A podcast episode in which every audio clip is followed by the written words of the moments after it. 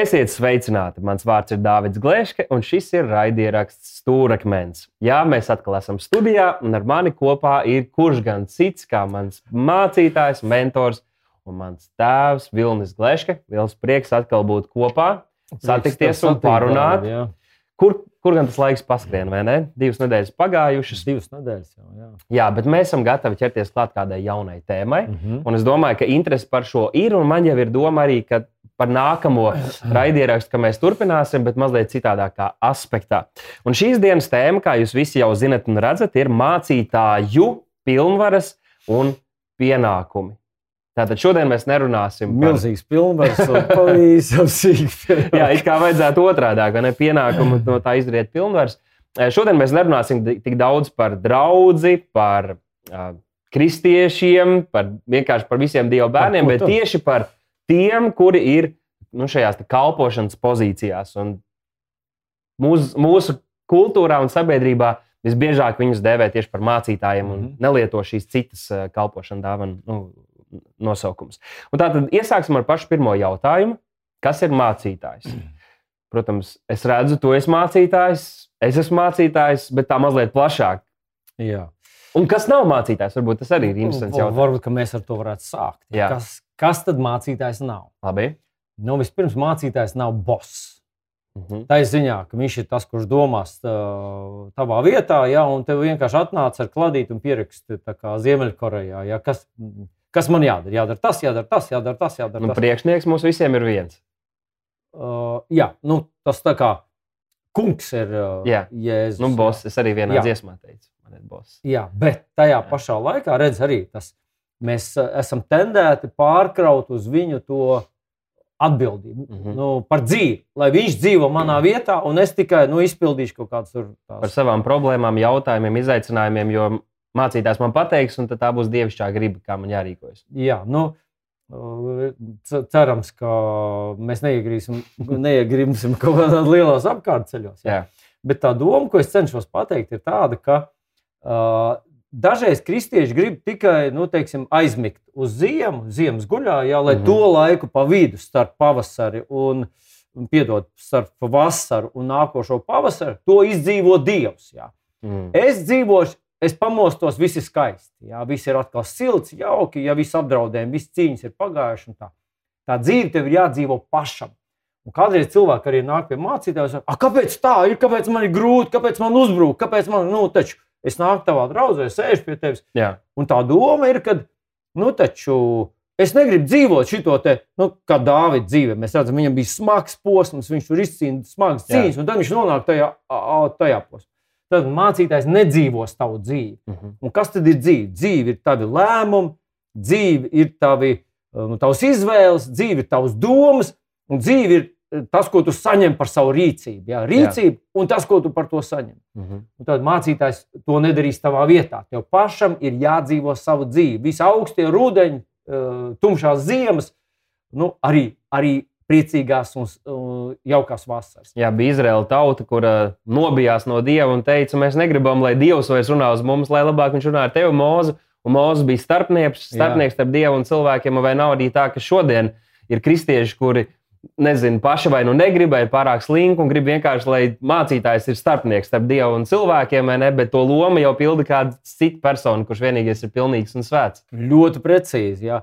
Manā, arī manā tajā kalpošanas laikā vienreiz pie manis atnāca viens cilvēks un teica, stāsta man, nu, bija, tas bija uzņēmējs. Jā, par Jā. uzņēmēju lietām, ko viņš tur nopirka šito un paņēmis vēl to un paņēmis lielu kredītu tam, bet viņš to darīs dieva dēļ, dieva darba dēļ un tā tālāk, lai tur tajā nu, vietā varētu notikt dieva darbs. Mhm. Un es viņam saku, un man ir tā sajūta, ja, ka viņš man to stāsta. Viņš redz manī dieva pārstāvi, ka es Jā. tagad nodošu dievam, un dievs teiks, ah, nu, ja jau tu priekš manis to izdarīji, tad viss būs labi. Ja. Jā, Un es viņam saku, paklau, draugiņ, tam nav nekāda sakara ar dievu, ja nav nekāda sakara ar dievu darbu.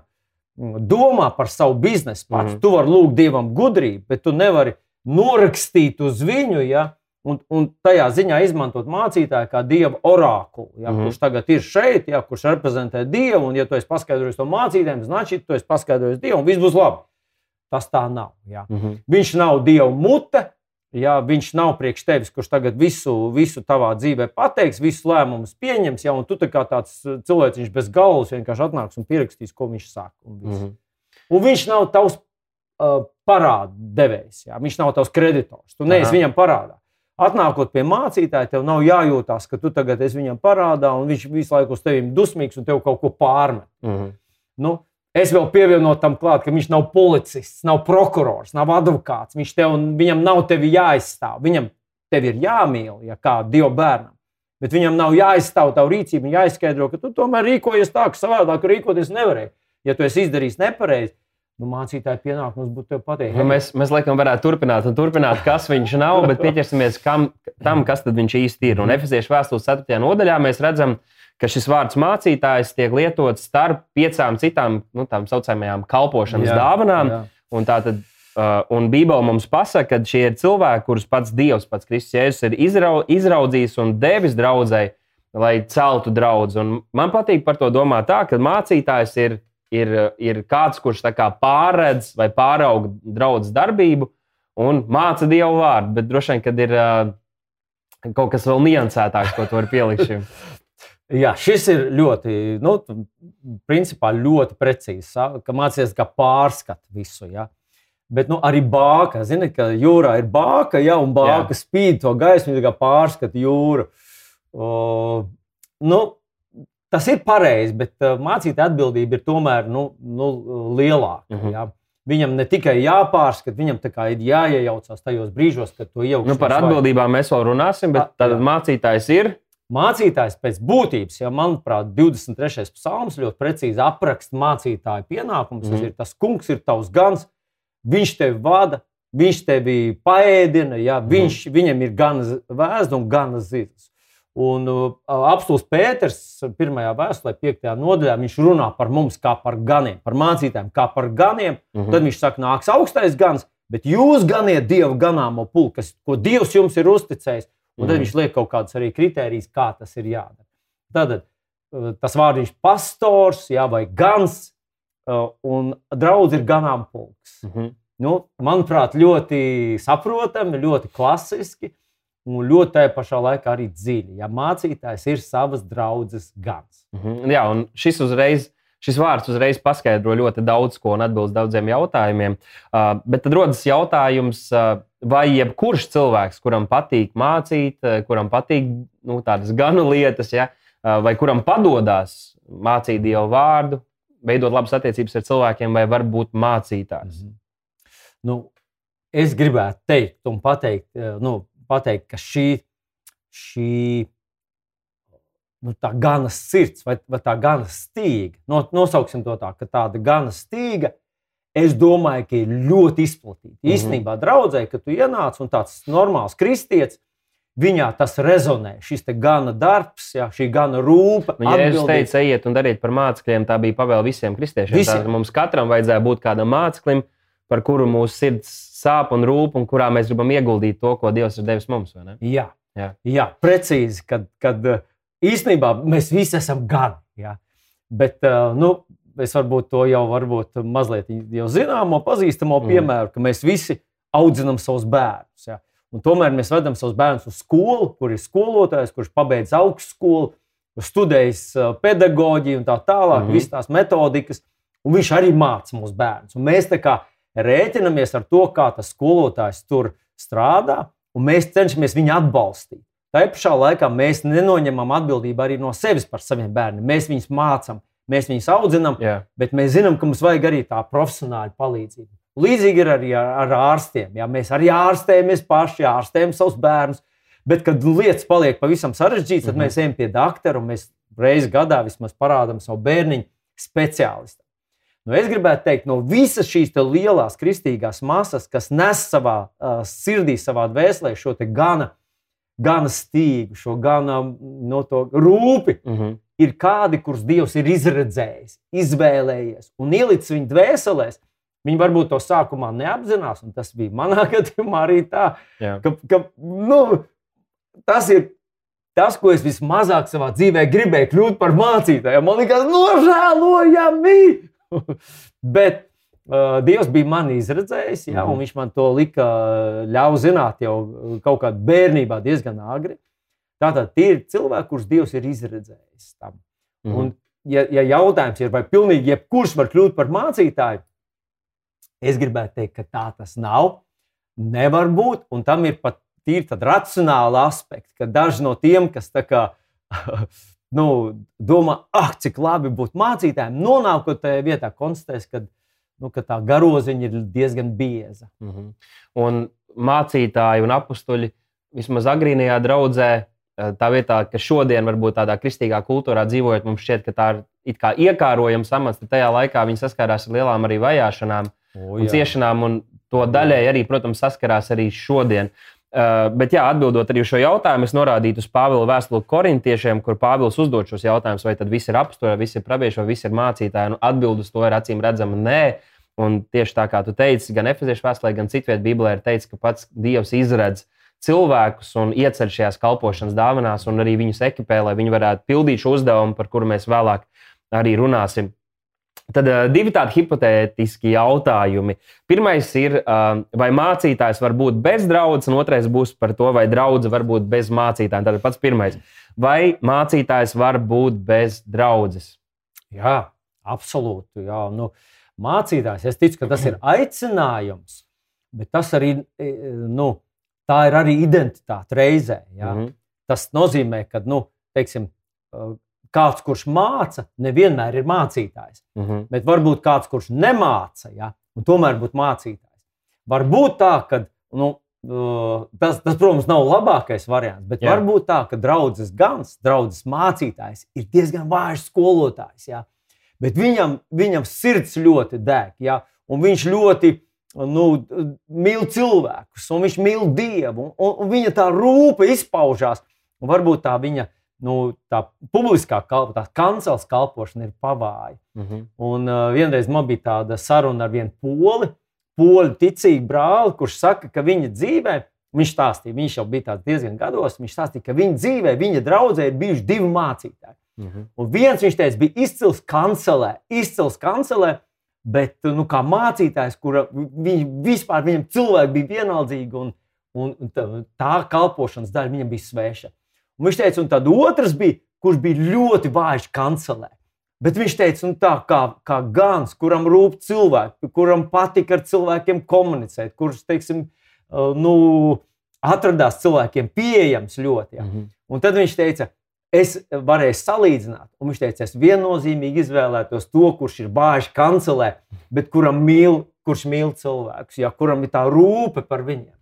Nu, tā tad, jā, tā var būt, Mhm. ka mācītājs ir bez draudzes. Ja? Jā, bez draudzes. Jā, dieva aicinājums ir neatceļams, un varbūt dažādi iemesli. Piemēram, var būt arī, mācītājs ir uzcēlis draugu, un, piemēram, Dievs viņu aicina kaut kur citur sākt draugu, un Sākt sākumā arī. tā draudzes nav. Jā. Bet uh, varbūt tas, uz ko šajā jautājumā gribētu tad uzlikt tādu uzsvariņu, ir, kur uh, Pāvils raksta Timotejam par šo dāvanu, kuru viņš ir nu, saņēmis, šo dieva žēlstības dāvanu, kur ir atdzīvināta viņā caur roku uzlikšanu, caur manu roku uzlikšanu. Viņš saka, tāda garīga autoritāte. Un tad ir kaut kas īpašs tajā, ka kalpotājs nāk ne vienkārši pats, un Dievs viņu aicina. Un tā var būt kaut kādās tālākās vietās, kur varbūt nav lokāls draugs vai kalpotāji. Dievs var aicināt un uzbūvēt arī lietojot internetu un, un dažādas attiecības tādā jā, veidā. jā. Bet tas tradicionālais veids, kā tas ir bijis visos laikos, tas pamatceļš, kā Dievs aicina cilvēkus, ir caur draugu, kur cilvēks ir uzaugusi draudzē. Un tad ir kādi kalpotāji, Dieva aicināti, kur ierauga, wow, pār viņu ir šis svaidījums, ir Dieva aicinājums, un mēs gribam svētīt un atraisīt tevi tajā. Jā. Un tā kā to ne- nevajadzētu uztvert viegli. Un manā izpratnē, ja, ka tajā mirklī sākās draudzene, ka teiksim, kāds gans, šāds te dieva Mhm. mm. izredzēts cilvēks, viņu dievs nosūta uz kādu vietu, uz kādu pilsētu, un ka viņš sāk pulcināt draugu ja, ar to rūpi. Redz, var pulcināt dažādi. Var pulcināt tā, ka nu, man ir tā bāzīta, un mēs tā kā konkurējam. Tā kā, nu, tas, Jā. tas it kā norādītu, vai es esmu veiksmīgs, jā, Mhm. vai, vai, vai, nu, vai es kā personība esmu realizējies, jā, vai man tas ir izdevies, vai es esmu veiksminieks vai neveiksminieks. Jā. Jā. Tas arī var būt motīvs. Bet, ja savādāk, ja, ja, ja cilvēkam sāp, viņš redz tos cilvēkus, kas kā avis bez gana, un viņš sāk viņus pulcināt. Man gribētos teikt, ka Latvijā es gandrīz gribētu teikt, ka katrā miestiņā ir kaut kādi tādi vientuļi klīstoši, ticīgi cilvēki, kuriem pietrūk šī gana kalpošanas. Mm -hmm. Un tas, ka, ka teiksim, nu vienā mazā ciematā ir mācītājs, kuram pie, pieņemsim, ir 20 cilvēku draugi, nenorāda, ka viņš ir neveiksminieks. Jā. Tieši varbūt pretēji. Tas ir tāds īsts, autentisks dieva mm. aicinājums. Viņam rūp nevis cipari, nevis teiksim, karjeras, Viņam rūp tie cilvēki, un viņš viņiem atdod savu dzīvi. Tas bet šajos ir... miestiņos jau varbūt arī kāds cilvēks, kuram varbūt nav šī titula, uh, bet kurš rūpējas, kurš aprūpē cilvēkus, kurš ved viņus kopā un cenšas stiprināt draugu. Tur varētu teikt, ka šī dāvana vai aicinājums ir šim cilvēkam, bet varbūt neviens vēl nav viņu svētījis un atra, atraisījis tajā. Mm. Tā kā, man liekas, ka daudzi iespējams arī nezinot, ir aicināti un jau kalpo tajā. Līdzīgi kā Timotejam ir vajadzīgs kāds, kurš pamana to un svētī, un tad tā kalpošana var tiešām arī iet plašumā. Tas ir līdzīgi kā ar tādu nu, pavāru spējām. Ja? Ir daudzas vienkāršas māmiņas, kas savā mājā taisa brīnumainus ēdienus, viņam nav tas pavāra, nu, tas, tas, no, tas tituls ja? vai tas nu, certifikāts. Un ir pavāri, kas strādā teiksim, dārgās, dārgās vēsturēs, kuriem ir riebis gatavot. Viņi to dara naudas dēļ. Viņi to dara nu, tāpēc, ka nu, kaut kāda nauda jānopelna. Jā, jā. tu ienāc tur paēdi un saki, pats! Nu, taču es būtu pats labāk mājā uztaps kartupeļus un, un cīsiņus uzvārīt. Otrs jautājums ir, vai draudzene var būt bez mācītāja? Un šeit tu jau pieskāries, pieskāries šim motivācijas aspektam.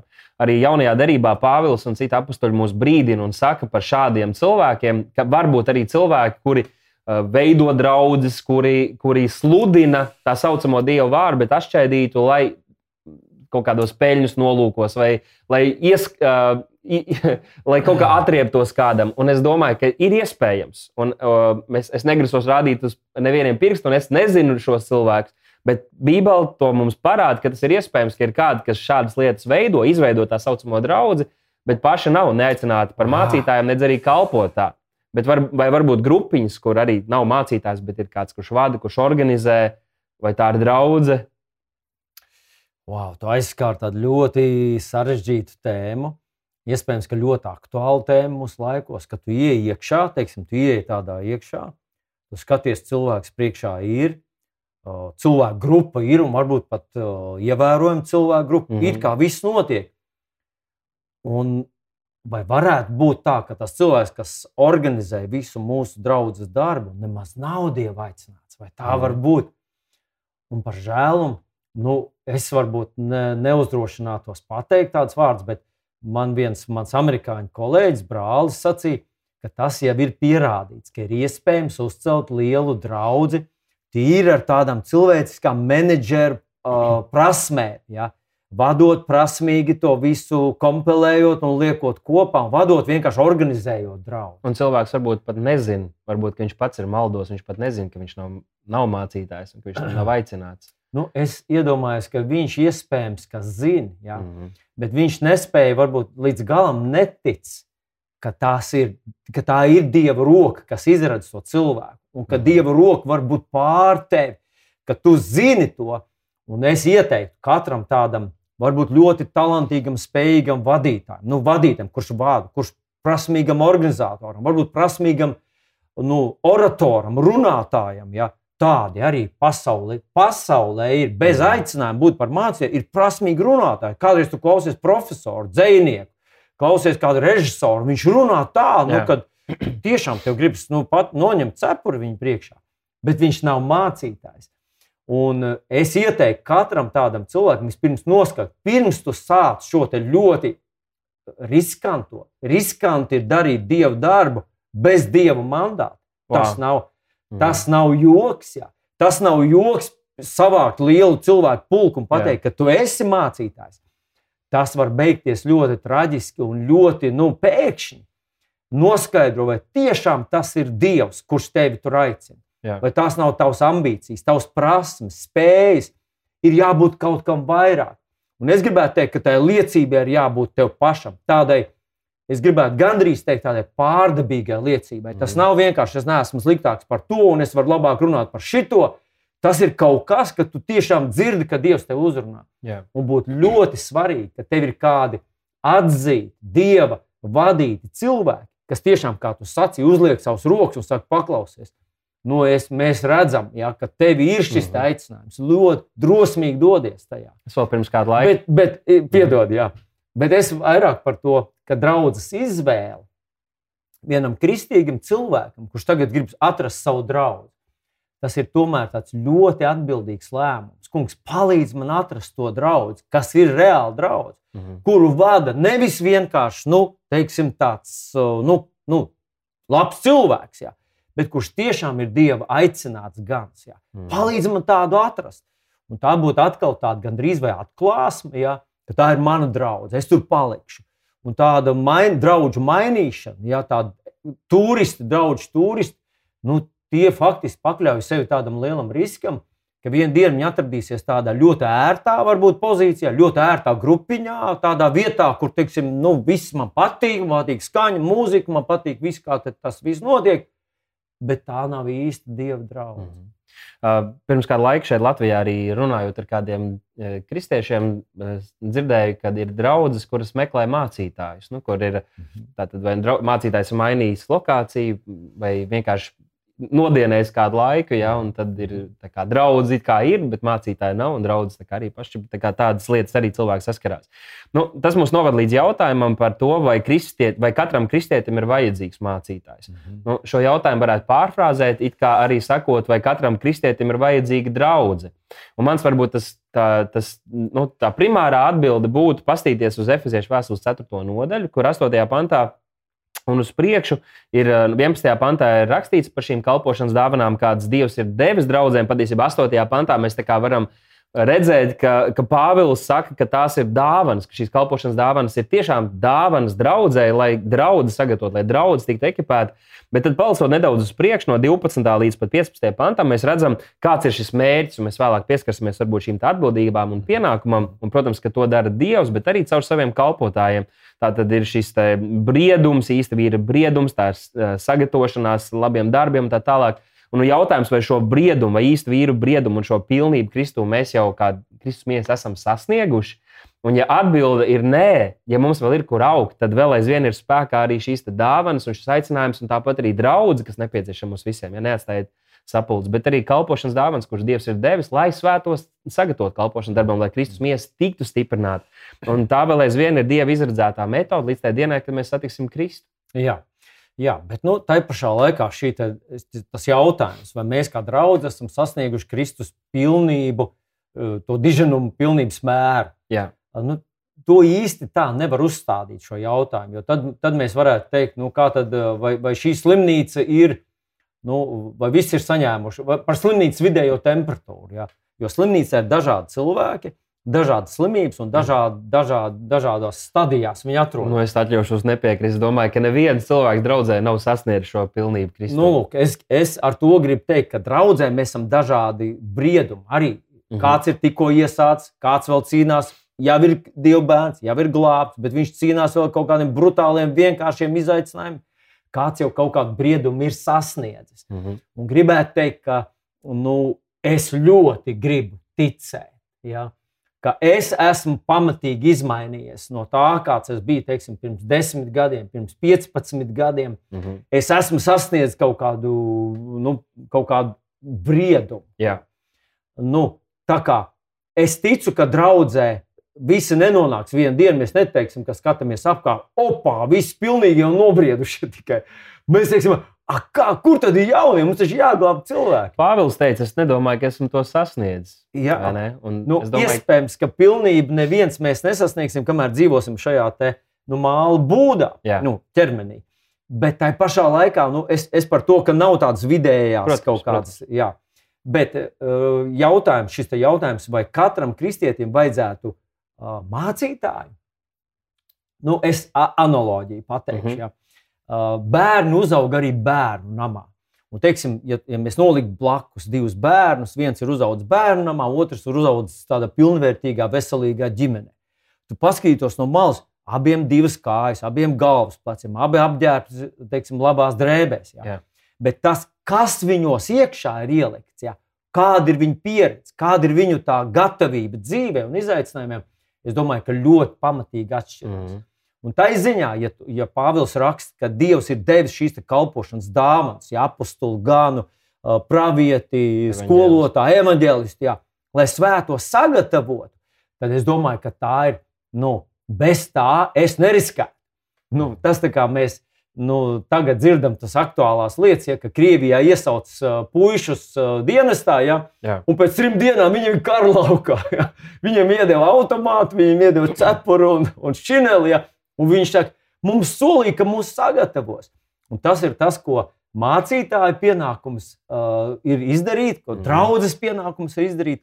Un tas ir tāpēc, ka man, grib, tā, tāpēc man gribētos teikt, katram uh, kristietim ja, atrod savu mācītāju. Jā. Tev viņš ir vajadzīgs. Ja? Jo eh, nu, nu, mēs varētu teikt, ka mēs mājās mācām savus bērnus. Ja? Un es neesmu īsti drošs, vai tur tiešām nu, tās, tā skološana notiek precīzi. Bet, ja bērns iet uz skolu, ja bērns regulāri iet uz skolu, un viņš ir pie viena skolotāja, otras skolotāja, trešā skolotāja, pat ja viņš ir slings, ar viņu kaut kas labs notiek, kaut kāds progress tur notiek. no, Dāvid, es esmu drošs. Es ticu arī notiek. mājskološanai. Uh, jā, jā, jā, bet tad, tad tas ir, tu saproti, ko tas nozīmē. Ja? Protams. Jo tu esi viena persona, ja? bet tur ir, tur ir spe, speciālisti, ka katrs ir savā jomā. Evanģēlists, uh, Gans. Ja? Tur ir, uh, nu, varbūt tā analoģija. Nē, nu, runājot jā, par, arī par treneru, mēs redzam, ka pasaulē eh, augsta līmeņa profesionāli sportisti, kuri paši jau var veidot eh, sistēmas un trenēt citus. Viņiem vēl aizvien ir vajadzīgs treneris blakus. Nu, runājot par tiem arī kristiešiem, kuriem ir jau ilgstoši un nu, ar briedumu Kristu. Uh, viņiem vēl aizvien ir treneris. Kāpēc? Tāpēc, ka viņi, pa, viņiem ir vajadzīgs kāds, kurš viņiem uzbļauj, kurš viņiem pasaka, kurš redz no malas kaut ko. no malas. Un pasaka lietas, kuras viņa labākie draugi un sieva varbūt viņiem nepateiks. Un tas ir varbūt līdzīgi arī par, par mums. Līdz mēs satiksim viņu, mums ir nepieciešams šīs balss, šie kalpotāji, šie cilvēki, kurus Dievs var lietot. Tu teici, mācītājs nav Dieva balss visās mūsu lietās, bet Nē, ļoti bieži mācītājs tiešām var būt šī Dieva balss, vai ne, kurš runā. Un tas ir tiešām kā Dieva vārds, kurš ietriec tavā sirdī. Jā, es gribēju teikt, ka mācītājs nav dieva orakls. Teiksim. Vai man ņemt kredītu, vai ne? Vai Jā. man precēt šo meiteni, vai ne? vai man šito mašīnu pirkt, vai ne?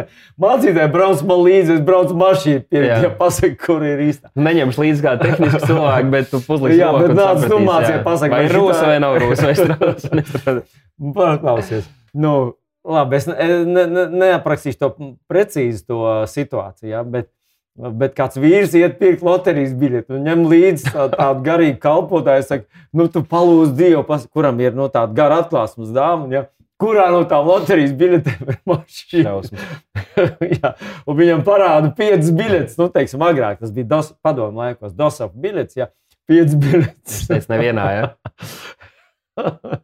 nu, labi, tas stāsts, bet e, es vienkārši par to, ka nu, cilvēki nu, pārprot mazliet. Viņi uzskata, nu, ka mācītājiem ir jāzina, ja, kurš piens man jādzer un kur maizes kukula man jāpērk.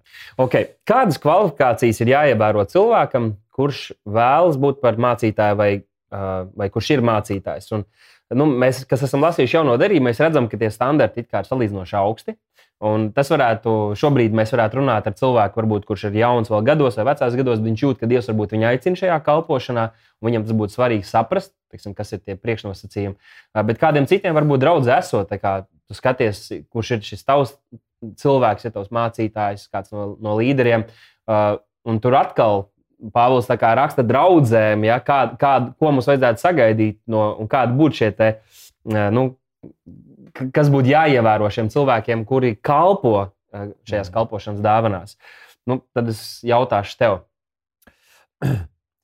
Jā, nu, viena no rakstvietām ir Titas uh, vēstule, uh, pirmā nodaļa, kur apstults Pāvils tiešām uzskaita to, kādam tad viņam būtu jābūt. Mm -hmm. Un te viena no, no pirmajām, pirmajām lietām rakstīts, tam jābūt nevainojamam vienas sievas vīram. Tātad poligāmija nederēs, ja Mm -hmm. tam cilvēkam ir jābūt vienas sievas vīram. Nu, Es mazliet pastāstīšu tādu stāstu, kur es dzirdēju no uh, viena no mūsu Latvijas arhibīskapiem, kad viņš tādā, nu, tādā pasaules sinodes uh, ietvarā uh, aizbrauca uz Āfriku, un tur viņam vajadzēja, nu, tātad visā tajā procesā, viņam vajadzēja atrast uh, vietējo Mm -hmm. uh, bīskapu. Jā, vietējo bīskapu. Un tad viņi saka, mēs, mēs atveram šo te uh, raksturvietu vaļā, un tā izpratne bija, nu, ka tam ir jābūt vīram, kurš ir vienu reizi precējies. Tātad mm -hmm. tas ir cilvēks, kurš vienreiz precējies. Ja ir div, otrā laulība, tad viņš nedara vairs. Un viņš teica, mēs paskatījāmies visus savus kandidātus, un tāda nebija neviena. viņš saka, Āfrikā tur nebija neviena biskupa, kurš nebūtu nu, vismaz vairākās laulībās bijis. Ja. Un tad viņš saka, nu, tad mēs sapratām, ka tā otra izpratne, kas arī ir pareizi, ja, ka, nu, ka tas ir vīrs, kuram šobrīd ir tikai viena sieva. Viņš arī tas ir izaicinājums ja, dažās vietās pasaulē. Nu, es par to, ka mēs varam te konkrēti izlasīt šos stāstus, ja, kuram bērni ir ticīgi, nevis palaidi un nepaklausīgi. Nu, atkal mēs uh, esam pieraduši, ka nu, tas nozīmē, ka mācītāji bērni ir perfekti. Ja. Un tu, iespējams, ka tu esi izjutis, ja, ka viss no tevis sagaida, tu esi mācītājs dēls, ārprāts. Kā tu vari kaut ko tādu man darīt? Nebija tāda spiediena. nebija.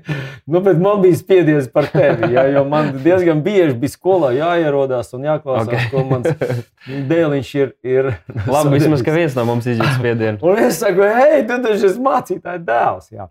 Bet, uh, Te nav doma, ka mācītājs būt tik, drīkst būt tikai tas, kuram ir perfekti bērni. Te drīzāk ir runa par to, ka mācītājiem ir jārēģē, viņam ir jāiesaistās un viņam ir kaut kas jādara. Tas nevar būt cilvēks, kurš visu palaiž pašplūsmā. Bībelē ļoti spilgts piemērs ir Dāvids, kurš viņš pēc savas krišanas to savu vainas apziņu nes tik ļoti, ka viņš faktiski vairs nekur neiesaistās ar kaut kādu tādu tā tīri tēvišķīgu, tīri tādu mm -hmm. nu, konfrontējušu, korģējošu stāju. Un, un līdz ar to notiek ļoti daudz nepareizas lietas. Tad mēs ticam, ka tas ir tas, ka tu runā, tu konfrontē, tu audzini savus bērnus. Ja? Tu gribi viņus izaudzināt, paklausīgus, tu gribi viņus pareizi izaudzināt. Jā. Tā tad Rīkojas nu, saskaņā ar Dieva vārdu. Jā, un tad mēs varam lasīt tālāk, un tālāk, kā tu jau pieminēji, ka būtībā tas tie kriteriji, kas, mm. no mhm. kuras, kuras no mums sagaida Dievs. Jā, reāli tas ir tas, ko mums ka mēs mīlēsim cilvēkus, ka būsim atvērti, laipni, ka Jā. mēs būsim par liecību. Un ne tikai no tiem, kas kalpošanā, bet no visiem Dieva bērniem, vai ne? Jā, ne, tā. nebūt kauslim, nebūt iedomīgam, nebūt zērājam, nebūt ierāvējam. Visas šīs lietas, tas pret katru kristieti attiecās. Vienkārši kalpotājiem tiešām ir jābūt patiesam māceklim un jā, jācenšas dzīvot saskaņā ar to, kur no Savukārt no draudzes locekļa ja, vai kristieši nav varbūt tāds spiediens, striks, vai, kad apkārtēji varētu striks, sagaidīt. Jā, tu vari būt darbs procesā, bet tas, kurš ir ieņem šo kalpotāju pozīciju, viņam ir jāparāda šis briedums, par ko mēs runājām. Mm -hmm. Lai tu citiem varētu kalpot, tev pašam ir kaut kas no tā visa jāpiedzīvo un jāsaņem. Nu, es, es teiktu tā, ka tas galvenais uzstādījums, ko mēs redzam no Bībeles, jā, mm -hmm. no tiem prasībām, ir, ka tu kā mācītājs, tu pats dzīvo to, ko tu sludini. Tas nozīmē, ka nevis tu vienkārši bīdi skaistus sprediķus, tu vienkārši nu, tā māki, tu esi veikls runātājs. Jā. Bet tā ir tava dzīve. Mm -hmm. Un kāds ir teicis, es varbūt tam negribētu piekrist, bet kāds ir teicis, ka ir grūtāk izdzīvot vienu sprediķu nekā nosludināt sešus. Nu, es gribētu piekrist, ja, ka tas nemaz nav tik viegli. Tiešām, mm -hmm. nu, tā mhm. godīgi savā dzīvēm aizliegt sevi, aizliegt savus, uh, ļoti bieži aizliegt savus intereses, savas ambīcijas, nolikt sevi otrā vietā, ja mīlēt savu tuvāko. Ja. Jā. Nu, tas ir, tas ir, tas uh, nav viegli, jā, bet mācītājiem būtu jābūt cilvēkam, kurš ar savu dzīvi, ar savu piemēru, tomēr uh, rāda, ka viņš, viņš to dzīvo. Kurš ir uzņēmies šo jūgu nest. Un jā, uh, kristiešu dzīve neviens neteica, ka tā būs vienkārša vai viegla patiešām dzīvot šo pašaizliedzīgu dzīvi. Tā ir sevis aizliekšana, tā ir savā ziņā miršana sev ikdienas. Tajā ir daudz, daudz prieka, bet uh, tur ir arī daudz uh, miršanas savai, savai miesai un savām, savām iegribām. Un, uh, jā, nu, mums ir jārāda piemērs tajā, un lai Dievs palīdz visiem kalpotājiem uh, arī pēc šī standarta censties dzīvot un, un uh, ar savu dzīvi, ne tikai, kā tu teici, ar, ar, ar svēturnām būt par piemēru arī citiem, lai Kristus miesas tiktu sagatavots. Tad, nu, attiecībā uz šiem mācītājiem, nu, kā varbūt dažos vārdos teiktu, ka, kas tad ir tie primārie mācītāja pienākumi vai šī amata uzdevumi, kas, kas šiem mācītājiem ir jādara. Un es jau pašā sākumā iesāku, manuprāt, viens ir mācīt Dievu vārdu, tāds kā tas ir. Tu nevari izņemt kaut ko, tu nevari audzēt cilvēkus, uh, tāpēc ka viņi negrib kaut ko dzirdēt. Tu nevari domāt, ja es šo sludināšu, kas kā stāv rakstīts, tad daļa cilvēku vairs negribēs būt manā draudzē. Tev ir jāsludina tas, kā stāv rakstīts. Un otrs ir šī rūpe par cilvēkiem, ja būt par šo ganu, parūpēties, veidot, palīdzēt veidot attiecības, uh, iestāties, vadīt. Bet kas vēl ir tādi pienākumi, kur, kur tu gribētu uzlikt tādus akcentiņus? Jā, es vēlreiz gribētu akcentēt šo domu, kur mm -hmm. tu mhm. saki, ka mācītājs pēc idejas nekalpo cilvēkiem. Nu, es lieku to pēdiņā, mm -hmm. lai mhm. man nepārprotu uzreiz. Viņš ir dieva iecelts, lai viņš darītu dieva uzdevumu. Ja? Mm -hmm. Un tā ziņā. Nu, un tādā tā, ziņā nekalpo cilvēkiem, ka necenšas izpatikt cilvēkiem jā, dievam. Ne? Jā, mm -hmm. jo ļoti bieži nu, Es arī kādreiz esmu dzirdējis to stāstu, nu, kad, kad, kad cilvēki draudzē grib šitā. Jā, cilvēks sacīja, ka viņam patīk tā labāk. Mm -hmm. Un tad es viņam saku, vai tu esi oficiāls, tad cilvēkam jāiet uz, ja, ja tu gribi, lai tev izpatīk, tev jāiet uz restorānu, jausi knipi, ja, un tad arī nekas nenotiks. Ja. Mūsdienu oficiāli sevi ļoti augstu vērtē. Ja. Viņi tev ies garām, tu knipus nesēdē, ne, nemētās.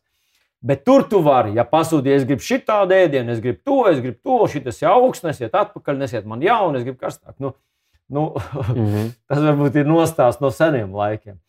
Bet tā tad tas, tas, ka tu pasūti mūziku, jā, jo tu maksā, tas nedarbojas draudzē. Draudzē ir vieta, kur Dievs dod tev uzdevumu, dod dienas kārtību, dod vēsti. Īsnībā mācītāja atbildība. Nu, tiešām tas ir tas, ko nu, varbūt tas ir diezgan grūti to tā, nu, un nevienmēr to tā var, ja, bet tas būtu tas, kas tev jāiet pie Dieva. Tev būtu jāsaņem svētais gars, ko tu gribi pateikt. Ja. Mm -hmm. Es tā kā atnāku un saku, dziļiet, brāļi, māsas, es meklēju Dievu vajag.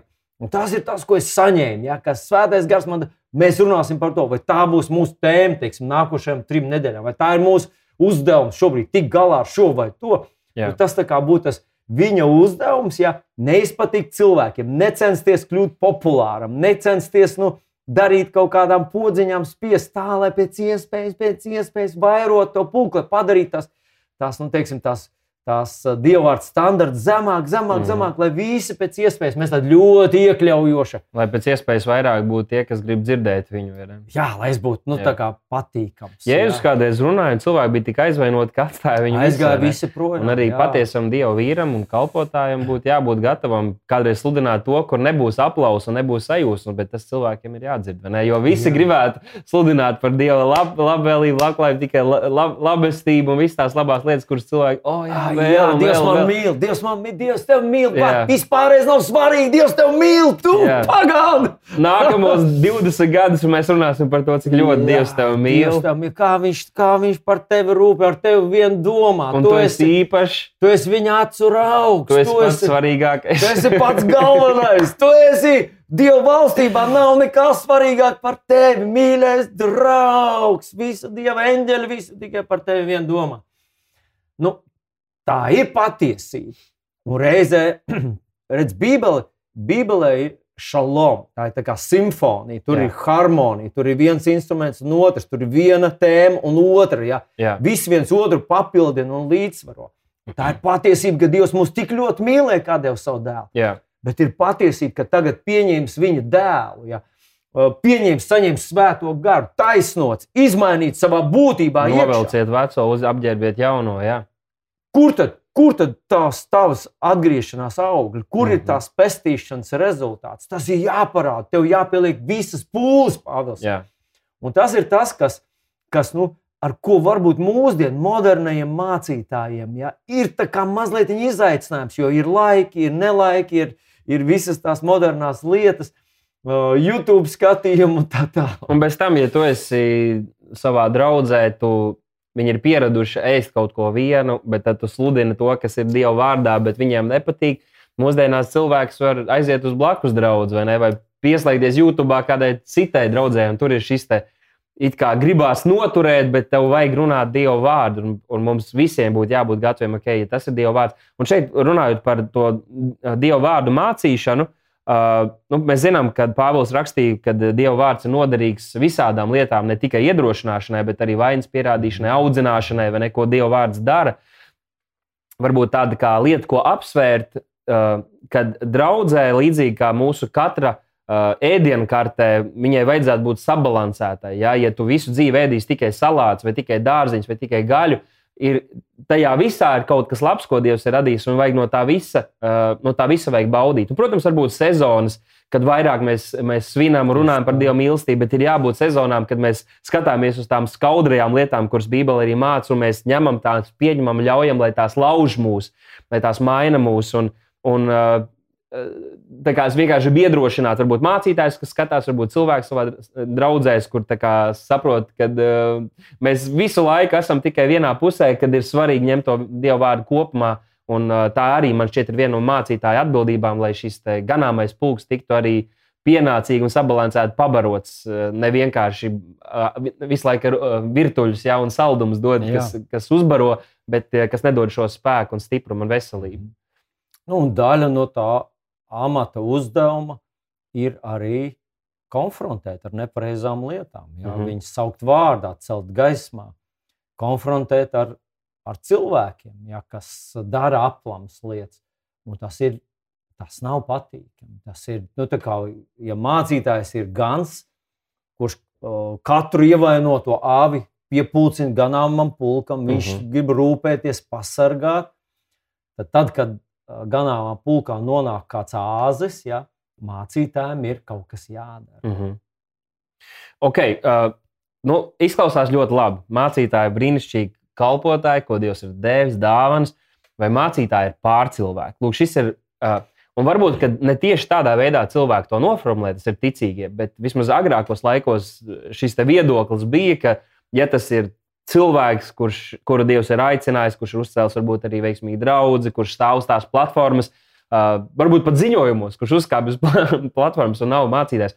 Uh, ja viņš ir augšā uz šīs platformas, kalpojot cilvēkiem, tad, nu, ja viņam ir kaut kāda iespēja runāt uz plašāku auditoriju, tad nu, tas, ir, tas ir cilvēks ne mums līdzīgs. Mēs visi esam grēcinieki, mums ir grūti un cīņas un izaicinājumi, bet mācītājs paskaties, Viņš ir apgarots tādām apgarotām lietām. Jā, tik pilns dievu vārdu, un viņam noteikti nav nekāda izaicinājuma grūtība. Ko tu gribētu pateikt cilvēkiem, kas varbūt vēl aizvien tā, tā jūtas, un tāpēc arī kādreiz kādiem kristiešiem, jauniem kristiešiem, vecākiem kristiešiem ir liela vilšanās vai sāpes, kad tu esi varbūt tā ļoti augstu cēlis kādu cilvēku, un tad tu satiec viņu vajag vaigā kafejnīcā vai veikalā vai pat draudzē, parunājies, un, un tev liekas, ārprāts. Tas ir pilnīgi cits cilvēks. Es domāju, ka viņš būs mīlestības mākonis, un viņam elpa nedaudz, nedaudz ja?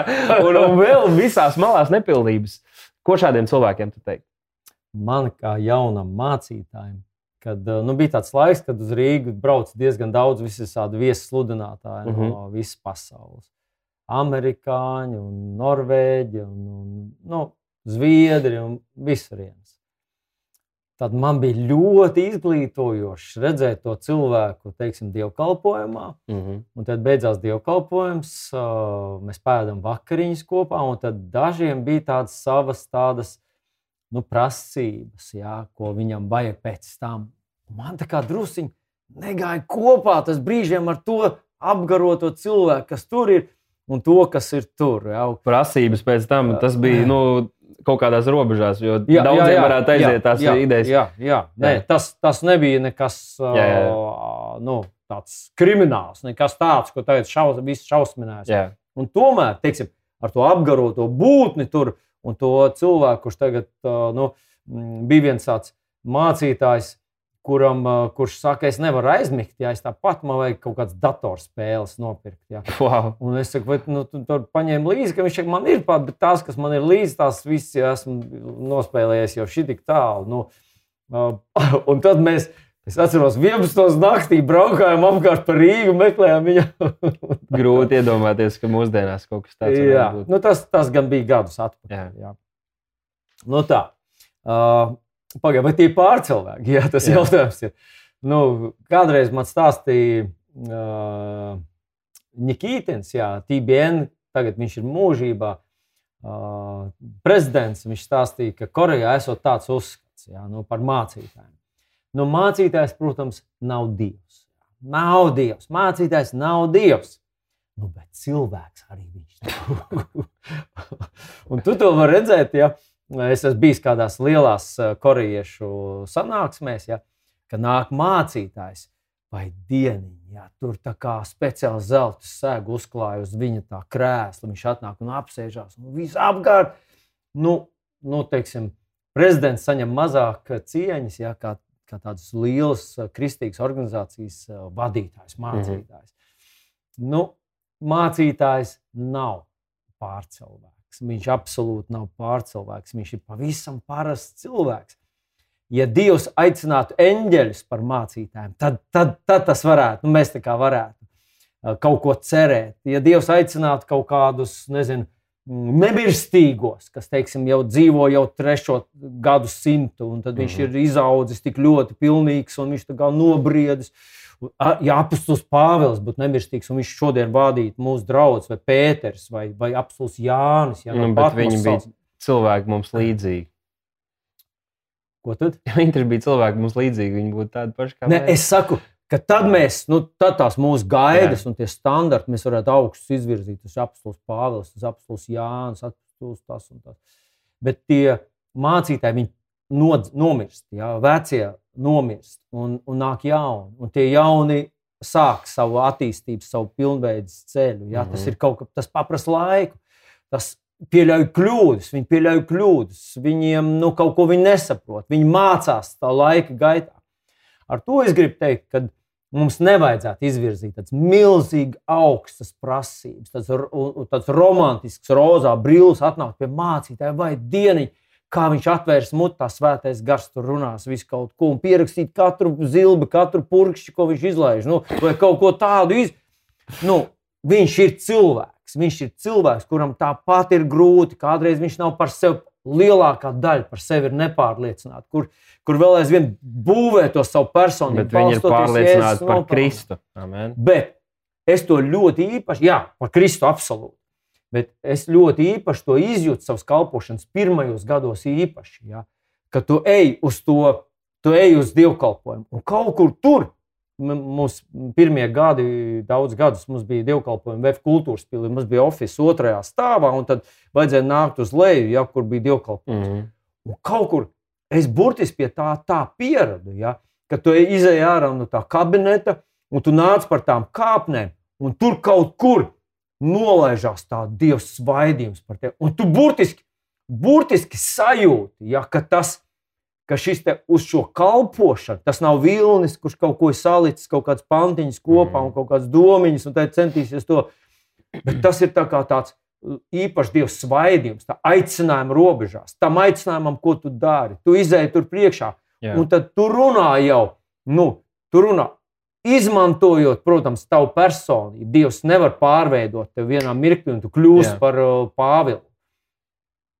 Uh, tavs, tavs, nu, tavs nepilnības, bet Dievs tevi var lietot, lai svētītu tos cilvēkus un uzrunātu viņus. Man šķiet, ka arī tā kā, nu, varbūt mazliet izbalansējot, ir tās di, divi gali. Ja vismaz agrākos laikos, nu, es atceros savā bērnībā, kad skatījos uz kādiem ārzemēs, vai pat Latvijā, kur ir šis dievu vīrs, tad viņš tika, tika ļoti godāts. Uh, bet, nu, kā Jēzus teica, vai ne pravietis netiek savā pašā namā cienīts, tad, tad kad mēs godājam to, to arī nepilnīgo dievu vīru un sievas, kas, ko, ko Dievs mums ir devis un dāvājis, tad mēs varam vairāk no viņiem saņemt. Absolūti. Savukārt, kad ir šis otrs, ja, kad viņš ir viens no mums, kā bratāns, Jā. un tā, tad nu, tu jau vari dzirdēt, bet tu, tu, Dievs varēs mazāk varbūt, teiksim, tā lietot viņu tavā dzīvē. Un, tā kā, tur šis līdzsvars starp tādu godāšanu, varbūt domāšanu, ka viņš ir pārcilvēks, bet tu jau vari godāt arī vienkārši novērtējot to, ka Dievs viņu ir aicinājis un ka Dievs viņu lieto. Un neiemesties nevienā no šiem grāviem. Man liekas, ka tā arī ir māka un to ir nepieciešams ik pa laikam arī draudzē. Godāt Dievu, bet arī godāt tos, ko viņš ir, ir dāvājis. Tas jau līdzīgi kā bērniem attiecībā uz viņu vecākiem. Arī viņi zina vislabāk, ka viņu vecāki nav pilnīgi, bet viņiem ir pienākums godāt savu tēvu māti, ja viņi grib baudīt tās svētības, ko Dievs viņiem ir sagādājis. Jā, man vēl gribas mazliet paturpināt mm. šo jautājumu. Tātad, vai mācītājs ir pārcilvēks vai nav? No vienas puses mēs jau sacījām, ka nav, mm -hmm. ja, ka viņš ir tāds pats ar tām pašām asinīm atpirkts. Viņam tikpat daudz grēku. Ja nebūtu jēzus nopelns, viņš iet ar visu savu dziesmu grāmatu, viņš ir ellē. Bet viņš ir atpirkts, viņš ir Dieva aicināts, izredzēts, pacelts. Un šajā ziņā mums jāsaskata, kā tu saki, mums jāsaskata viņā šo dievišķo klātbūtni, šo dievu svaidījumu. Šo, nu, redz, ja Dievs viņu ir iecēlis, ja, tad Dievs ir uzņēmies atbildību par viņu Mhm. zināmā mērā. Viņš arī viņu noņems. Dievs var noņemt mācību. O, jā, var, var Mhm. gan. Jā, viņš to var izdarīt. Bet nu, tā kā Jēzus ļoti strikti sacīja, ka pravietis netiek cienīts, nekur netiek mazāk cienīts kā savā tēva zemē un savos rados. Mhm. Un faktiski tur viņš nav pravietis. Draudze, un esmu redz, bijis tādās draudzēs, kur draudze starp draugu un mācītāju ir tā tāds augstais karš. Jā. Mācītājs neciena savus cilvēkus, saka, ej, tur viss Ai. sādi, šitādi, te salasīti, te tādi no dunduki. Ja. Un draugs neciena mācītāju. Un viņi it kā ir kopā. Ja.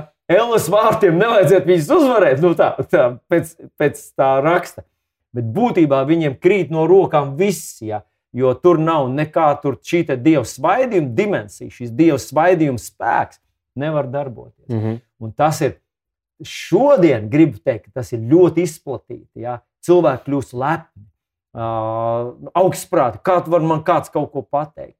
Un šajā ziņā, ja mācītājs, tāds dievu meklējošs, patiesa dieva vīrs tevi uzrunā, un viņš kaut ko tev saka, aizrāda, labāk ieklausies. Mm -hmm. Jo savā dzīvē, savā nelielajā kalpošanas pieredzē, es esmu redzējis, ka dažreiz man pat neapzinoties īsti, ja, ka tas bija Dieva svētais gars, ka tā brīdināja, nopietni uzrunāja cilvēkus kaut kādās uh, viņu krustcelēs. Mhm. Jā, mēs runājām jau par uh, mācītāju atbildībām, jeb amata pienākumiem. Uh, nu, pieskārāmies arī pilnvarām. Jā, pieskārāmies pilnvarām, kas ir uh, uh, tātad, uh, gādāt par šo ganāmo pulku, uh, konfrontēt kaut kādas maldu lietas, uh, rūpēties, jā, lai neienāk šie āži vai neienāk vilki. Un, protams, ka Dievs pats gādā par savu draugu, bet arī mācītājiem ir šī te autoritāte šajā konkrētajā pulkā, kur, kur, kur to darīt un šīs pilnvaras īstenot. Uh, Pāvils arī runā par, par tiesībām, kas viņam būtu, bet kuras viņš varbūt nelietoja, bet kāds cits lietoja. To starpā ir, ka viņš varēja arī dzīvot no evaņģēlīja, ko viņš labprātīgi pats izvēlējās tā nedarīt, un vēl varētu runāt par dažādām lietām. Ja tu gribi kaut ko piemetināt vēl pie pilnvarām, tu vari, bet es gribētu mūs aizvadīt jau līdz nākamajam jautājumam, kas ir par šo uh, mācītāju noteikšanu cilvēku personīgajās dzīvēs. Cik lielā mērā mācītāji drīkst un var, vai kāds viņam ir šīs pilnvaras noteikt personīgi cilvēku dzīvēs kaut ko, un vai tā tam vajadzētu būt. Jā. Jā, es uh, vēl gribētu mazi akcentiņu uz to, ko Pāvils Korintiešiem Mhm. raksta. Par to, ka man ir pilnvars, ja es varētu viņas lietot, tā kā uh, dzīvot no evaņģēlīja. Ja Jā. viņš saka, vai, uh, ja jūs aizējat, teiksim, jums aizējat no, notīrīt savus kurpes, ja, tad tam kurpju tīrītājam viņam ir nu, ti- tiesības kaut ko no jums saņemt, Jā. jā. samaksāt. Viņš saka, es jums sludinu evaņģēlīju, es jums sludinu Dievu vārdu. Man ir tiesības arī, ka jūs nu, kā, nu, uztu, nu, kaut kā atbalstat manu Jā. kalpošanu. Un viņš arī kādā vietā runāja, piemēram, man būtu tiesības pavēlēt, te uzņemt kaut kādus šos te darba biedrus un, un parūpēties par viņiem, bet es tev lūdzu, kā brālim, nu, Mhm. arī liekot kontrastā šo te kā tiesības Kristu. Un Jā. tad to man sirdi kā tēvs, es lūdzu, vienkārši lūdzu palīdzi man. Nu, Korintas uh, draudzē es ticu, ka Pāvils uh, centās izvairīties no šī te, uh, argumenta, ja, ka visas tās draudzes ir tikai par naudu. Ja, Visi tas Mhm. atbraukuši ebreju sludinātāji jau uz Korintu. Uh, viņiem jau interesē tikai mūsu maki. Un tad, lai Vai šo, jaunās datorspēles kaut kāds viņa dabūt. lai, lai šo argumentu likvidētu, ja Pāvils saka, vispār te Mhm. nenotiks nekas tāds. Ja. Uh, ne, nebūs nekādas ziedošanas, man neko no jums nevajag. Viņš pats strādāja. Ja. Viņu atbalstīja citas draudzes, ja, kur, kas sūtīja viņam līdzekļus, lai atbalstītu viņu šo misijas darbu. Mhm. Bet tas tā, uh, nu, tas tā nenotika vienmēr. Ja. Citur Pāvils uh, saņēma par savu kalpošanu, cilvēks samet kolekti, vai kā viņš saka, cik katrs varēja atlicināt, cik gribēja, cik vēlējās. Ja Mhm. varēja šo ziedojumu atnest, un Pāvils to paņēma. Jo arī viņam ir jādzīvo, arī viņam ir kaut kur jādodas, viņam vajag jumtu virs galvas. Viņam tāpat ir kaut kādas savas uh, sadzīves izdevumi. Viņš nav eņģēlis. Jā, viņš šo ziedojumus arī lieto, lai palīdzētu citām draudzēm, Arī lai veiktu labdarības darbu pilsētā. tā.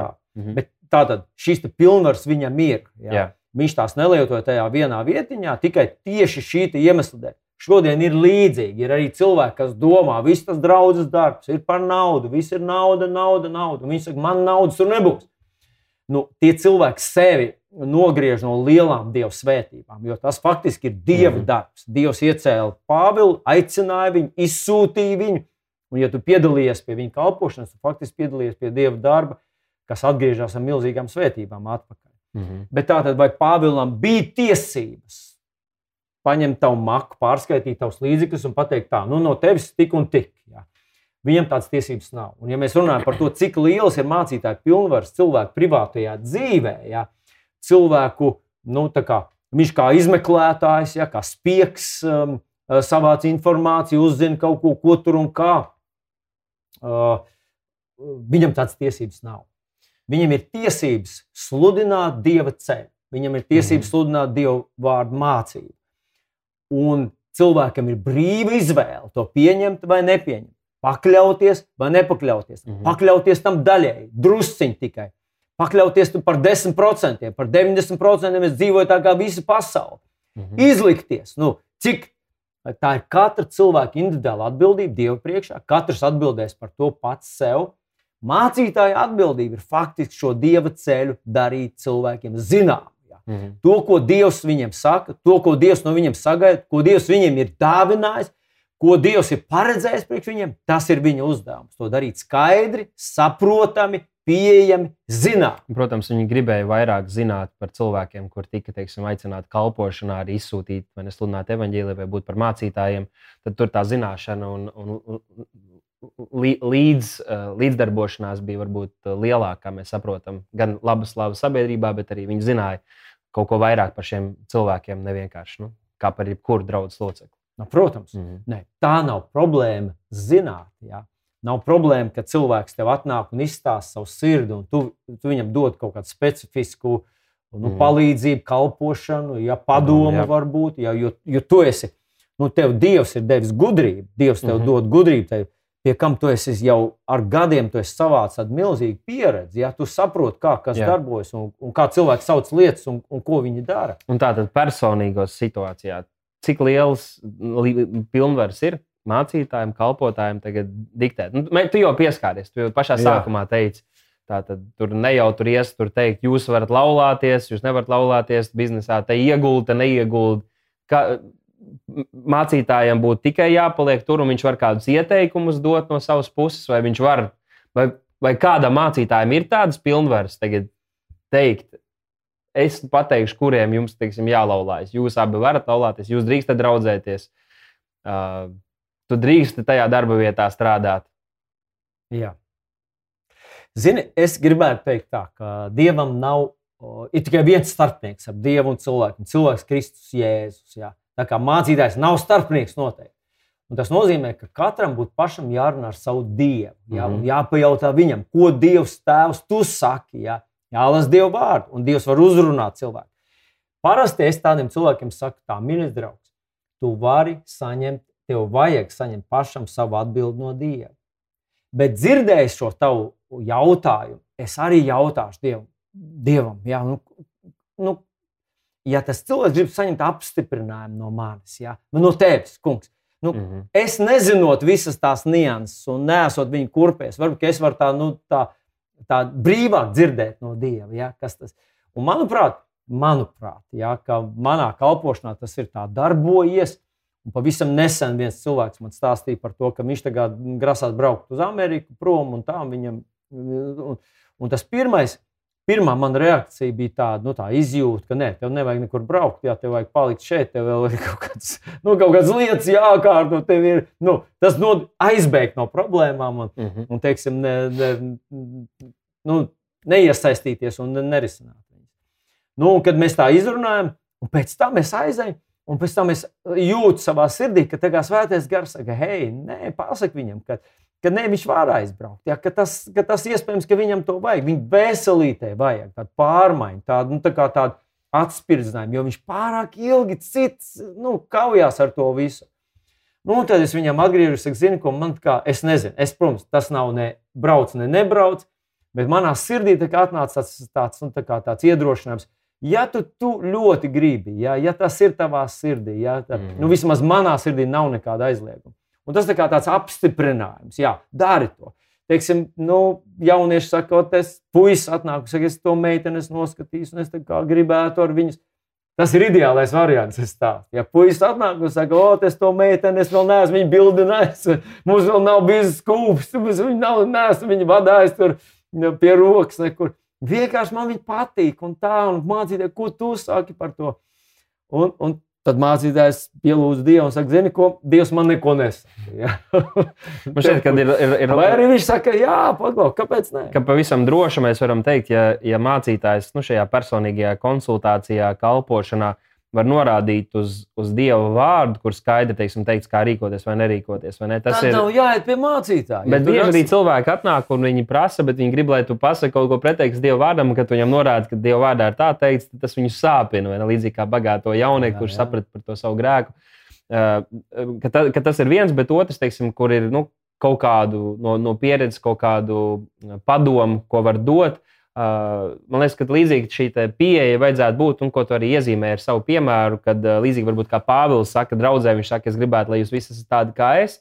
Bet nu, tas, ir, tas nav, no, tas nav no, no dieva vārds. Jums neviens nedrīkst iet laulībā, bet tas ir mans kā, mhm. kā, kā kalpotāja pamudinājums, jo tad jūs varat pilnvērtīgi kalpot tam kungam. Jā. Man liekas, ka tas ir labi to izbalansēt. Tā kā okay, tā rakstīts, un to es tev varu droši teikt, un šo es, man, man, man, man sirdī ir varbūt, kad, ka, iedrošināt vai, vai nu, kā, kādu labu padomu iedot, lai gudrāk to lēmumu pieņemtu. Bet neizdarīt šo lēmumu iz, izvēli tā cilvēka vietā, jo, ja, piemēram, es kādam pateikšu, viņi ir tavi īstā, jūs varat laulāties, un viņiem nesanāks, tad tas, ko nozīmē par Dievu vai Nevis, par mani. Pagaidām, nesanāks. Viņš atnāks un teiks, tu teici, ka ir īstā, bet paskaties, mājās ir konflikts. Jā, paskaties. Ej, tagad, tu, nu, vēl, Bet, tu kļūdījies. jā, bet David, tu aiz, aizskāri ļoti interesantu tēmu. Tā arī saistās ar šo mācītāju kalpošanu, nu, tā personību. Ka Pāvils neuzskatīja sevi par nelaimīgu. Mm -hmm. Viņš bija piedzīvojis vajāšanas, bija piedzīvojis grūtības, bija piedzīvojis nu, slepkavošanas mēģinājumus. Bet, kad viņš saka, cilvēks, es gribētu, ka jūs visi esat tādi kā es. Ah. Viņš bija laimīgs. Ja? Un, uh, apmierināts, viņš bija pacelāts. Viņš redzēja, ka viņa labākās dienas tuvojās viņam, nevis attālinās no tā laika, kad viņš bija nu, tāds. Jā, viņš daudz domāja par goda balvu, ja, ko jā, viņš iegūs. Jā, mm -hmm. bet te, ļoti līdzīgi arī ar mācītāju. Arī mācītāji, tāds īsts, nodevies dieva kalps, nevar būt depresijā un nelaimīgs un vīlies. Un par žēlu mēs esam sastapis tādus cilvēkus, kas tā kā saka, ah, tas ir ārprāts, tas ir, tas ir gandrīz vai. Ja, ja Dievs tevi ir aicinājis par mācītāju, tas nozīmē, ka nu, nožēlojama tāda, tāda dzīve, nu, murgs. Nevienam neiesaku. tas bija tas, kā tu agrāk domāji. es tā domāju, pirms, es, Jā. nu, pirms Dievs man aicināja. Un jāsaka, ir bijuši grūti laiki. Mm. Bet tas jau sākās visā romiešiem 12. nodaļas, 1. pantu. Tad nu, nododiet sevi pašus par dzīves yeah. svētdiem. Ja, ja mācītājs ir nodevies Dievam, viņš netaisa karjeru, netaisa nu, kaut kā tur ietekmēt citus. Viņš neskrien sacensībās ar visiem citiem, parādīšu, nu, es varbūt neesmu labākais, bet esmu ātrāks par jums visiem. Yeah. Nu, tad, tad viņš, viņam vajadzētu būt šim te, nu, prieka, uh, viegluma. Jā. Ne viegluma, ne, ne, ne tā ziņā, bet nu, viņa personība nav nospiesta. Jā, jā nu, varbūt kāds teiks, tev jau viegli runāt, ja tev ir veiksmīga draudzene. Es te esmu šādā te ciematā, mums te ir daži tikai ticīgie, ir izaicinājumi, eju uz darbu un tā tālāk. Bet, nu, te, tu lietoji Pāvilu, piemēram, Pāvils bieži šīs vēstules rakstīja no cietuma. Viņš burtiski, kā, ko tu izvēlētos, vai ar dažiem uzticamajiem, ticīgiem, ja būt kaut kur un kalpot un strādāt, ejot uz darbu, vai sēdēt cietumā, važās, sitienos ar akmeņiem, tik nomētāts. Un Pāvils vienalga spēja saglabāt šo sirdi, jo viņš redzēja to goda balvu, līdzīgi kā par Jēzu ir teikts. Arī viņš to visu paciet, jo viņš redzēja šo te, redzēja mūsu Kristu, redzēja to, ko paveiks, caur, uh, ko Dievs paveiks caur šo upuru un caur šo darbu. Un arī mums ir, ir vērts saglabāt šo skatu uz priekšu. Bet tas mums noved līdz pēdējiem jautājumam, kur es gribēju, ka mēs pieskartos arī drusku par šo. Nu, mēs runājam par mācītāju pienākumiem, par mācītāju atbildībām, un kādam tas varbūt liekas iekārojami, kādam Kādam liekas, nē, es neko negribētu nekad kopīgi ar, ar šādu kalpošanu. Bet ir, ir ļoti, ļoti būtiska pamācība, ko Pāvils. Nē, Jēkabs, apstults Jēkabs raksta 3. nodaļā, 1. pantā, kur viņš saka, netopiet man brāļi daudz par mācītājiem, zinādam, ka mēs nāksim grūtākā tiesā. Un tas nozīmē, ka tie, kuri ir izredzēti un aicināti, jā, tā ir arī nu, uh, savu veidu lielāka atbildība, varbūt kaut kādas iespējas, uh, kalpot ne, un ietekmēt cilvēku dzīves vairāk. Bet atbildība, atbildībai nāk līdzi arī atbildība Dieva priekšā. Un es gribētu, ka mēs drusku, varbūt mazliet drusku pieskartos tam, tātad šī atbildība Dieva priekšā. Ebreju vēstules 13. nodaļā arī tas līdzīgi ir teikts par šiem ganiem. Paklausiet saviem vadītājiem, esiet padavīgi, jo viņi ir nomodā par jūsu dvēselēm, kā tādi, kam būs jādod atbildība. Un atkal atbildība kam? Dieva priekšā. Uh, mazliet par šo tu varētu mums par, parunāt. Nu, mācītājs tā tad ir viena no piecām kalpošanas dāvanām, kur mm -hmm. Dievs ir iecēlis, jā, nolicis, lai viņš būtu par svētību. Vai mācītājs var kļūt arī par šķērsli, piedāvātības akmeni? Jā. Un mēs lasām, Jēzus pārmet rakstu mācītājiem, farizējiem. Viņš saka, jūs esat noslēpuši atzīšanas atslēgu mm -hmm. un uh, nostājušies, kā nu, kā nu tur bija. Bet viņš saka, faktiski, ka jūs esat kļuvuši par, par uh, tādu nu, aizvērtām durvīm, par traucēkļiem. Cilvēkiem viņi nevar atnākt pie Dieva, jo jūs esat priekšā. Oh. Un es domāju, ka tāds, uh, tāds negodīgs, nenodevies, vīlies Dievam. Cilvēks, kurš neusticās Dievam, viņš var kļūt par šādu šķērsli cilvēkiem pie Dieva, uzticēties Dievam. Mm. Un tad tā ir milzīga atbildība. Jo faktiski tu tu tā vietā, lai tu būtu par atvērtiem vārtiem, tu esi kļuvis par aizslēgtu mūri. Mm -hmm. Un tas ir tas, ko mēs negribam izdarīt. Tā ir mūsu liela atbildība. Mūsu liela atbildība ir arī nepadarīt cilvēku par saviem mācekļiem, par savu īpašumu. Es esmu mācītājs, un tagad viss caur manīm, viss pie manīm, visi es esmu tas, nu, kurš ir tas galvenais mums ir svarīgi tos cilvēkus pievest tam kungam, ja, lai viņi kļūst par Kristus mācekļiem, lai viņi uzticās Kristum. Mm -hmm. Jo mēs neesam evaņģēlīja autori. Ja. Mēs pat, pat, pat visu nesaprotam, to evaņģēlīju. Ja. Dievs saprot. Un, un, manuprāt, ļoti labs tāds, nu, tāds, tāds atbildības rokas grāmata, ir atklāsmes grāmatas otrā nodaļa, kur, kur kungs Jēzus diktē Jānim, ko viņam jāsūta dažām draugu mācītājiem. Un tad mēs redzam, ka viņš aizrāda viņiem, ka tu esi atstājis savu pirmo mīlestību. Viņš aizrāda viņam, ka tu nedari vairs uh, savus pirmos darbus. Un ta, un ta, tagad viņš runā par mācītāju pašu personīgo dzīvi, kur mm. viņam ir jācenšas nodoties vēl vairāk, iemīlēt to kungu, mīlēt cilvēkus, ja kalpot dievam. Bet viņš aizrāda viņam arī, ka viņš nekonfrontē un nedara to mācītāju kalpošanas, to, nu, to uh, sāpīgo daļu, ja, vai ne, nepatīkamo daļu, ka tev kāds jākonfrontē. Un tur ir tāds īpašs stāsts par uh, Jezebeli, ja, kur viņš saka, ja, tā saucamā pravietē Jezebelē, ja, kas tur, tur pieviļ manus bērnus un tā tālāk. Un tad tāds ļoti, ļoti interesants tas, tas uh, viss tas uzstādījums ir tāds, ka viņš saka, es nogalināšu viņas bērnus. Ja. Tātad tie nav dieva bērni, ja tie ir viņai piedzimuši, tie ir no viņas atkarīgi. Viņa viņus ir caur sevi un pie sevis piestiprinājusi, un viņa ir kļuvusi viņiem par tādu, nu, tā kā mhm. tādu, nu, tā kā tādu no ceļu uz glābšanu, ceļu uz svētībām, ceļu uz dieva balsi. Viņa kļūst par starpnieku. Un nu, tie, kas, tie, kas varbūt aiz, aizsteidzās notikumiem priekšā un saka, redz, kur jaunajā derībā uzrakstīts, ja, ka Dievs nogalina un, un ka Dievs sit cilvēks. Bet uh, tur ir runa, ka tie cilvēki nemaz nav glābti. Ja tie Izabeles, Jezabeles, tie sekotāji, viņi nemaz nav glābti. Viņi nemaz nav jēzus pieņēmuši par savu kungu. Tas ir kaut kas nesaprotams. Nu, tas ir, Un, un, un tas ir tas, ko mēs varam mācīties no tā gadījuma. Ja? Kad tu redzi cilvēku draudzē, kurš kļūst par tādu, nu, tādu, tādu līderi, viņš kļūst par tādu mammu, par tādu uh, un veido ap sevi adeptus. Viss caur maniem, viss caur maniem, viss, es kontrolēju tos cilvēkus, ja viss, kas viņu dzīvēs notiek, es par to visu zinu, es dodu norādes. Es... Jā. Tad tas nav pareizi, ja, tur vajag konfrontēt. Tātad tā ir daļa no mācītāja kalpošanas. Bet vēl mēs varam teikt, kā apustulis Pāvils Eviziešiem 4. nodaļā saka, ka viņam šiem piecām kalpošanas dāvanām ir jāsagatavo ticīgie kalpošanai.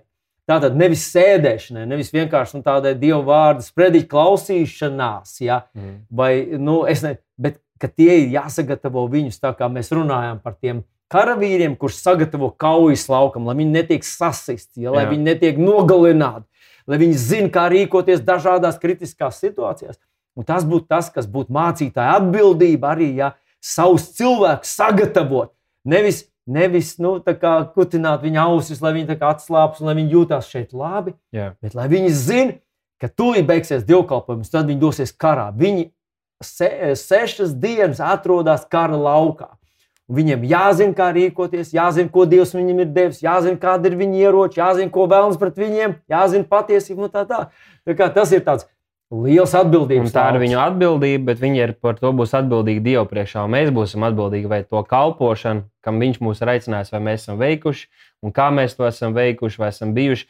Un, ziniet, uh, ir, ir, mēs jau mazliet tam arī pieskārāmies, ka ir viegli parauties līdzi varbūt kādām uh, nu, lietām, kas liekas interesantas. Tavam prātam ir interesanti kaut ko meklēt, atrast kaut kādos saitos, kaut kādu informāciju, kas vēl sakrīt ar kaut kādām bībeles lietām. Un tad tā var kļūt par tavu atklāsmi. Sensācijas kaut kādas. Sensācija, un tu vari iegūt daudz acis, daudz ausis, kas tevi klausīsies gan internetā, gan klātienē. Bet jautājums ir, es domāju, ka tajā dienā mēs arī būsim atbildīgi par to, vai mēs esam sludinājuši šādas lietas, vai mēs esam sludinājuši maldus, vai mēs esam pieķērušies šādām lietām. Un vai mēs, ja pēc tam saprotam, vai pēc tam tas ir arī atgriezts, ir kādi, kas ir runājuši, absurdas lietas, melus, maldus, un tad pēc kādiem mēnešiem turpina sludināt evaņģēlī, kā nekas nebūtu bijis. Neko nebūtu. Bet viņi ir sapotējuši, viņi ir saindējuši, jā, vai tas pēc tam ir kārtots, vai tas ir līdzināts. Un tā, tā ir ļoti liela atbildība un katram, kurš, un tāpēc šeit tas uh, pamācība, ko Jēkabs teica, man liekas, ka ir katram jāņem pie sirds, ka tad, kad tev ir iespēja, vai tas pat ir mazā grupā, vai kaut kur, kur tu runā uz citiem, bet īpaši, ka tu esi kā kalpotais, mācītājs, kurš tu runā uz daudziem cilvēkiem. Tu runā viņiem dievu vārdus, lai tas ir dievu vārds, ar ko tu dalies, protams, caur tavu personību un kādiem piemēriem, un kā tu to vari vērt vaļā, bet tam ir jābūt un tam ir jāved uz Kristu, un jātuvina viņam, jāatklāj viņu, un nevis tevi pašu, nevis jāceļ tavu popularitāti un tā tālāk. Un tāpēc man liekas, ka ir būtiski arī, ka mēs ņemam vērā to, uh, ka, um, ka Bībele māca mūs, lai mēs pārbaudām visu, un to, kas labs, lai mēs paturam. Mēs jau tam drusku pieskaramies, vienkārši beigās gribam noslēgt uz to, kad, ka lielos vilcienos, jebkurā draudzē, un varbūt arī mūsu draudzē ir cilvēki, kurš 20 gadus iet. Tik un tā, ka tu dzirdi, vai ko es sludinu, vai ko mācās sludinu, būtu jābūt, protams, jābūt atvērtam, nav jābūt sienām apkārt bet ir jāskatās, vai tas ir Dieva, vai tas ir Dieva vārds, vai, tas, vai tā ir rakstīts, vai tas nāk no Dieva vārda. Un, ja tas tā ir, tad to ir jāpieņem. Bet, ja tas nav, tad uzliec to plauktiņā, padomā, ej pie mācītāja, runā, Va. prasa, klau, Va. ko tu, ja. tu šodien Jā. runāji to un to. Jā. Es to tur neredzu. Re, kur ir raksturvieta, kas runā pret to, risini to, bet neņem un neļauj, lai, mums, lai, lai tev baro iekšā lietas, kuras nesaskan ar tīro Dieva vārdu, kas ir cilvēku izdomājumi, kas ir kaut kādas. Ja, interesantas lietas, bet kas nav Dieva vārds. Jo tad mēs varam paši sapludināt un saindēt, un laup, kā Jēzus teica, laupīt spēku Dieva vārdam, kurš var izmainīt mūsu dzīves. Šeit ir tā paša katra ticīga atbildība. Jā, turēt Bībelī vaļā, skatīties līdzi, pārdomāt, analizēt. Un es vislabāk ieteiktu, ja, doties tieši pie mācītāja un uzjautāt, ko tu ar to domāji. Mm. Jo kādreiz Kādreiz ir tā, ka tas, tie vārdi, kurus mēs izvēlamies lietot, viņi neatbilst tiem vārdiem, kas, kurus tu uztver. Kā, kā, tur vienkārši tāds uh, tulkojumam, mm -hmm. tulkojuma kļūda un nekas vairāk. Un Tāpēc vienmēr var pārjautāt. Jā. Mm -hmm. Vai, vai tas bija tas, ko tu domāji ar šo vērtību? Jā, tā kā man liekas, mums bija forša saruna par mācītājiem, par kalpošanu, par uh, daudzām šīm lietām. Un varbūt noslēdzot, es gribētu iedrošināt tos, kuri uh, kuri ir draudzē, kur varbūt nav draudzē, bet tagad saprot, ka varbūt meklēs vai mēģinās nu, arī būt zem šīs kalpošanas, lai tiktu celt un, un svētīt, uh, ka mūsu primārais, kā Dieva bērniem, mūsu primārais uzdevums un atbildība nav būt kritiskiem un nav doties uz draugu vai iet pat uz savu draugu un skatīties, kur mācīties pārteicās, kur kaut kas bija nebibliski, lai gan ir jāizvērtē, kā jau es teicu, bet godāt, pateikties. Un ko visam pāri, ko es ieteiktu darīt, un ko arī uh, Pāvils daudz, daudz aicināja draugus darīt, ir lūgt lūgt par savu mācītāju. Arī viņš ir cilvēks, viņam ir savi izaicinājumi, viņam ir savas problēmas, uzbrukumi, lūgt, izrādīt atbalstu, svētīt, ja, lai kalpotājiem un mācītājiem ceļot draugi, kalpojot die, dievu drūvās. Lai, uh, kad ja draudz arī var celt savu mācītāju, tas ir nest uz lūkšanas rokām. Man liekas, ka to katrs novērtē, un tā ir milzīga svētība. Un bieži, bieži draudzē esot, mēs pat nenojaušam ar kādiem izaicinājumiem, uh, saskarās ar, saistībā ar draugu vadību. Kā es svētdien teicu, Pāvils pielīdzināja draudzes vadību un, un jauno kristiešu darbu pielīdzināja fiziskām sāpēm un grūtībām, kuras viņš ciet, jo tur arī ir tik daudz par ko rūp un sāp un ko, kur vajag risinājumu kur stāv uz ceļiem Dievu priekšā, Dievs, kā mēs varam šo atrisināt un kā tavu draugu var tikt celtās, lieto mūsu un lietot tos cilvēkus, kas ir mūsu draudzē. Tā kā lūkšana ir labākais, ko mēs varam darīt. Un, um, jā, ja jums šī saruna nāca par svētību, es, es iedrošinātu, ka jūs varat ielikt to pirkstiņu gaisā, īkšķis gaisā vai uh, YouTube. Mēs priecāsimies uh, Spotify, padalieties ar to, ierakstiet kaut ko komentāros, ja gribat, lai mēs apskatām kādu citu jautājumu, uh, kur vēl neesam apskatījuši kādu tēmu. Nākamajā reizē doma runāt par draugu un par, eh, par kristiešiem, par pienākumiem un atbildībām. Varbūt tā arī būtu interesanta saruna. Mēs priecātos dzirdēt no jums arī komentāru sadaļā. Vai tu vēl kaut ko par šo gribi piebilst? Domāju, ka nē, ka mēs pateicām visu. Okay, tad liels tev paldies! Paldies visiem, kas jūs skatījāties un tiekamies nākamajā reizē!